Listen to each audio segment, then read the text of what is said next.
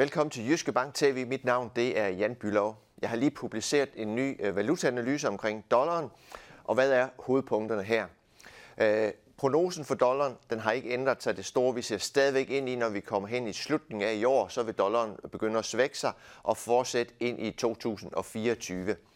Ellers så kan vi jo sige, øh, hvis vi lige skal kigge en anelse tilbage, ja, så har øh, dollaren faktisk været ret fast fastlåst her indtil nu i 2023 i, i euro-terminologi, så er det 1,05 og så til 1,11. Derigennem, der, eller derimellem har den svunget frem og tilbage, afhængig af, hvor bekymret investorerne og andre aktører på valutamarkedet har været her de seneste måneder.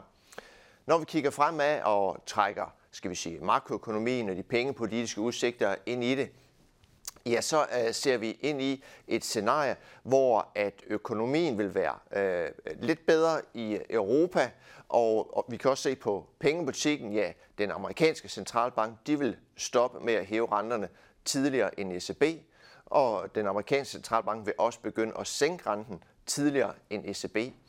Og det betyder både, at øh, økonomien vil udvikle sig til ugunst for dollaren. Det betyder også, at de pengepolitiske forskelle vil udvikle sig til ugunst for dollaren. Og det er det, der er basis for, at vi tror på, at dollaren vil øh, svækkes, når vi kommer hen i slutningen af i år, fortsat ind i første halvår 2024. Der er selvfølgelig altid et risikoscenarie, øh, og det betyder så her en stærkere dollar end det, vi venter. Hvad beskriver det, eller hvad kan beskrive det, og hvad kan der ske her? Ja, dollaren det er jo en modcyklisk valuta, altså når det går skidt i verden, så tenderer folk til at søge efter sådan sikker havn valuta eller sikker havn aktiver. Det er over i USA, så stiger efterspørgselen, og dollaren stiger. Så hvad kan blive det?